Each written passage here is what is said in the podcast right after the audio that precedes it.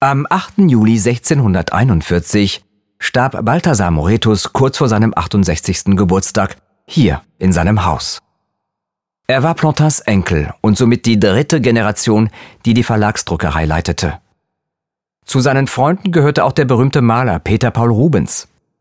Balthasar baute den Verlagskomplex zu dem Patrizierhaus aus, das sie gerade besichtigen. Der Maler Willeboits Boschardt erhielt den Auftrag, ihn auf seinem Totenbett zu porträtieren. Bei Beerdigungen zeigte eine reiche Familie ihren Status.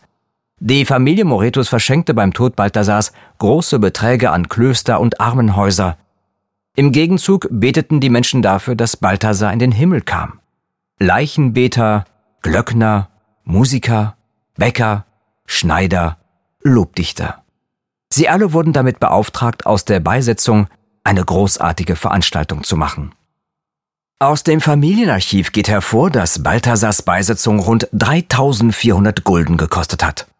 Zum Vergleich, ein ungelernter Arbeiter verdiente in dieser Zeit 180 Gulden pro Jahr.